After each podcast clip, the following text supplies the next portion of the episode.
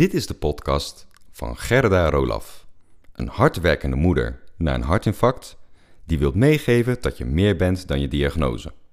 Door interviews met moeders en ervaringsdeskundigen met betrekking tot vrouwenhartzaken hoopt zij te inspireren en te laten beseffen dat je meer bent dan een hartpatiënt.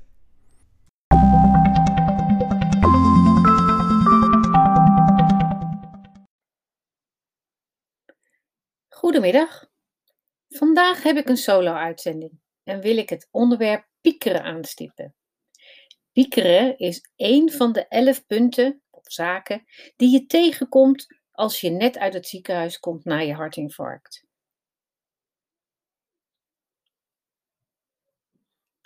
Ik heb het overleefd. Het was even schrikken, dat hartinfarct. Van het ene moment op het andere moment lag ik in het ziekenhuis. Met allerlei toeters en bellen aan je lijf. Maar gelukkig is alles gerepareerd en mocht ik na vijf dagen weer naar huis. Je voelt, of ik voelde me al, een hele Piet. Maar nu ik zo thuis ben, valt het nog niet zo mee. Zes weken rustig aandoen. Niet mogen autorijden. Slechts beperkt mogen drinken. In ieder geval tot de eerste controle bij de cardioloog. En ik heb een berg pillen meegekregen waar je u tegen zegt. Uitgeblust zit ik op de bank, terwijl ik vorige week nog volop aan het werk was. Het lijkt wel een boze droom. En ik weet ook dat ik zomaar een expert kan worden in negativiteit, want dat heb ik zelf ervaren. En dat is niet handig. Na een acute hartinfarct ben je niet altijd de vrolijkste. Je wordt geconfronteerd met de dingen die je niet meer hebt of niet meer kan. En op een of andere manier kan je brein alleen nog maar negatieve dingen bedenken. Je wordt er een expert in. Expert in het piekeren en lopen je gedachten cirkeltjes in je hoofd. Maar wil je dat? Als je een expert bent geworden in negatieve gedachten, kan je dat ook worden in positieve gedachten. Maar wat is dat, piekeren? Als je wilt stoppen met piekeren, is het goed om te begrijpen dat piekeren precies is en hoe het werkt. In eerste instantie is piekeren bedoeld om een oplossing te vinden voor problemen die op dat moment spelen in je leven. Piekergedachten gaan vaak over problemen op je werk, in je relatie, over de kinderen of over je ouders of die belangrijke teamvergadering die je moet voorzitten. Wij mensen piekeren omdat we het gevoel hebben dat piekeren ons helpt om beter met deze problemen om te gaan. Piekeren heeft namelijk vaak de vorm van een wat als gedachte. Bijvoorbeeld, wat als ik tijdens de presentatie mijn tekst vergeet? Tijdens het piekeren bedenk je dan wat je gaat doen als je inderdaad met je mond vol tanden komt te staan. Onze hersenen zijn probleemoplossers. Dat is vaak handig, maar kan op den duur ook tegen je gaan werken. Het vervelende aan piekeren is dat het zelf zichzelf versterkt. Stel dat je angstig bent voor een presentatie. Je piekert enorm er enorm over en daardoor wordt de angst een beetje minder. Vervolgens geef je een presentatie en gebeurt er niks. Onbewust hebben je hersenen nu twee dingen geleerd. 1. Als ik pieker, wordt mijn angst minder. En 2. Als ik pieker, gebeuren de dingen waardoor ik bang ben niet. Waarschijnlijk zie je de denkfout zelf ook al. Als je niet was gaan piekeren, was de angst ook wel, weg, wel gaan liggen. Als je niet had gepiekerd, was de presentatie ook goed gegaan. Je begrijpt het dus wel. Maar, de maar het onbewuste deel van je brein nog niet. Sterker nog, dat deel van je hersenen besluit om nog meer te gaan piekeren, want dat helpt immers zo goed. Je zou kunnen zeggen dat het piekeren een pad inslijt in je hersenen. Het duurt even voordat, voordat dat is gedicht. Om dat piekeren nu tegen te gaan, heb ik zeven tips. Tip 1. Accepteer chaos. Voor piekeraars is het van groot belang om te accepteren dat ze het leven niet onder controle hebben. Ja, dat, lees je, dat, dat hoor je goed. Je hebt het leven niet onder controle. Misschien dat je het lastig vindt om deze stap te maken. Dan heb ik een aantal overtuigingen die makkelijker te accepteren zijn. Als je nu een oplossing kunt vinden voor een probleem, kun je dat ook op het moment zelf. Oftewel, ga pas nadenken over problemen als ze zich aandienen en vertrouw op je improvisatievermogen. Niet alles is, is het controleren waard. Het accepteren van iets negatiefs is vaak prettiger dan allerlei maatregelen nemen om het te voorkomen. Of je, bent niet, je hebt niet alles onder controle. Piekeren hoe het weer wordt op je verjaardag is nutteloos, aangezien je het weer niet onder controle hebt. Als je deze overtuigingen meer in je leven kunt accepteren en wat meer achterover kunt gaan hangen, zul je zien dat de kwaliteit van je leven nauwelijks afneemt. Terwijl je veel meer ontspannen wordt en minder piekert. Tip 2. Problemen oplossen. Je piekert waarschijnlijk omdat je denkt dat het piekeren je helpt om je problemen op te lossen. Het gekke is dat piekeren het oplossen van je problemen vaak in de weg staat. Je gaat doemdenken, oordelen, zorgen maken, of je ervaart afgunst, jaloezie. Problemen oplossen doe je met pen en papier of met een computer. Als je nadenkt over een probleem, zonder dat je aantekeningen kunt maken, weet je bijna zeker dat je piekert en niet daadwerkelijk je problemen oplost. Tip 3. Stop met piekeren en richt je aandacht op iets leuks. Stoppen met piekeren moet je niet vergelijken met het indrukken van een knop, maar eerder met het trainen van een hond. Het is inderdaad zo dat je gedachten niet perfect kunt controleren, maar je kunt ze wel trainen. Doe dit door je steeds weer te stoppen met piekeren en je gedachten op iets anders te richten. Dat kan iets plezierigs zijn, zoals bijvoorbeeld naar hele mooie muziek luisteren of naar een leuk film kijken, lezen in een prachtig boek, een gezellig telefoongesprek met een vriendin. Terwijl je dat doet, zullen je gedachten weer afdwalen om te gaan piekeren. Geen probleem.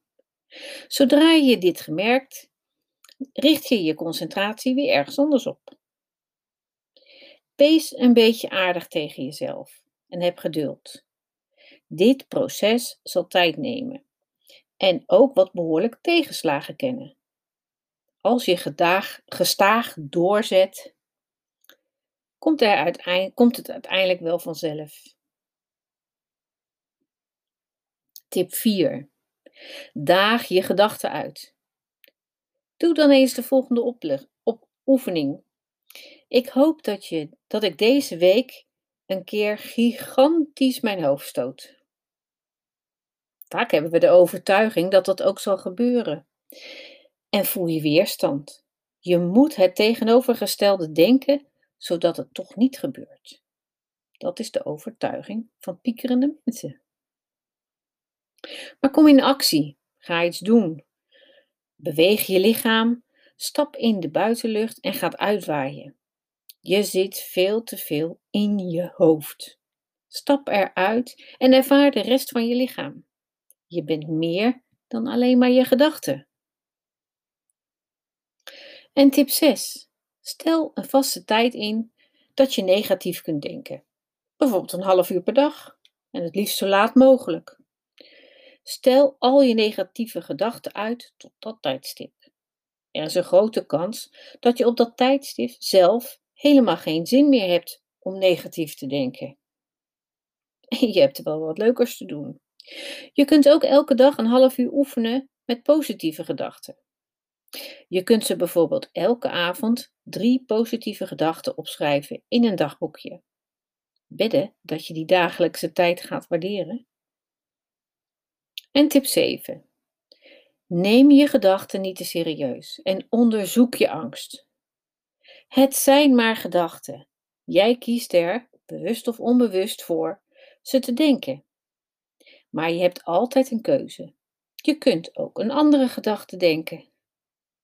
Je hebt nog de illusie dat je al je gedachten waarheid zijn.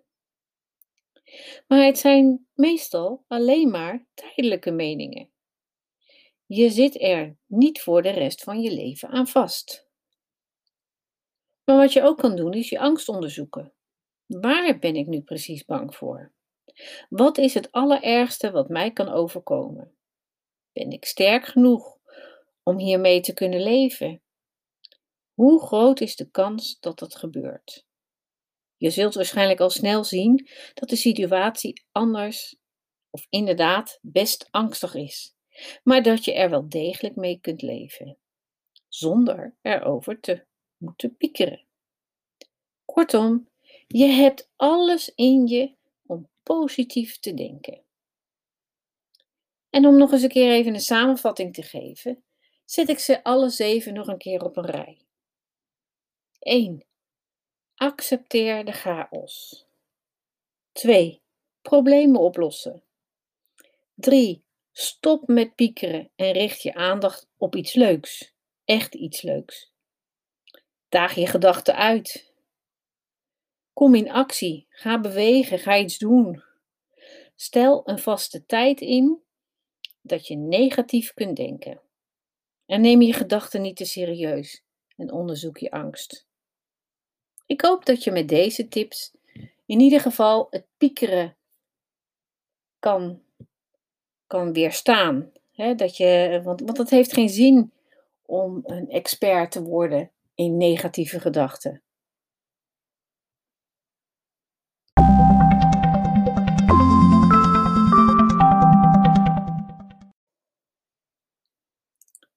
Superleuk dat je weer luisterde naar deze podcast. Dank je wel. Nog even kort een paar belangrijke dingen. Ten eerste, het is mijn missie om vrouwelijke managers na een hartinfarct of hartincident te ondersteunen in het formuleren en accepteren van hun nieuwe normaal. Ik hoop je door deze podcast te laten inspireren door vrouwen, hartpatiënten, die verder gegaan zijn met hun leven maar ook om kennis te laten maken met professionals die iets voor je kunnen betekenen en om mijn eigen ervaringen en overdenkingen te delen. Ten tweede, wil je alle podcast-episodes overzichtelijk onder elkaar? Abonneer je dan op deze podcast. Klik in je podcast-app op de button subscribe of abonneren. Elke keer als er dan een nieuwe podcastaflevering gepubliceerd wordt, ontvang je automatisch een berichtje. Je kunt je ook via gerda.jebentmeerdanwatjehebt.nl aanmelden en dan stuur ik je de nieuwe podcast per mail toe. Ten derde, ondersteun je mijn missie? Geef me dan een review via de podcast-app, bijvoorbeeld iTunes of Spotify. Op die manier kan ik je nog meer vrouwelijke managers bereiken.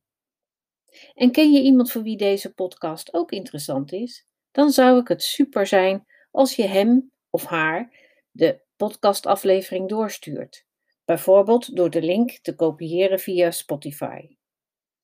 Ik vind het altijd heel erg leuk om berichtjes te ontvangen van luisteraars, om te horen wat je van deze podcast vindt, of er misschien vragen over hebt of suggesties.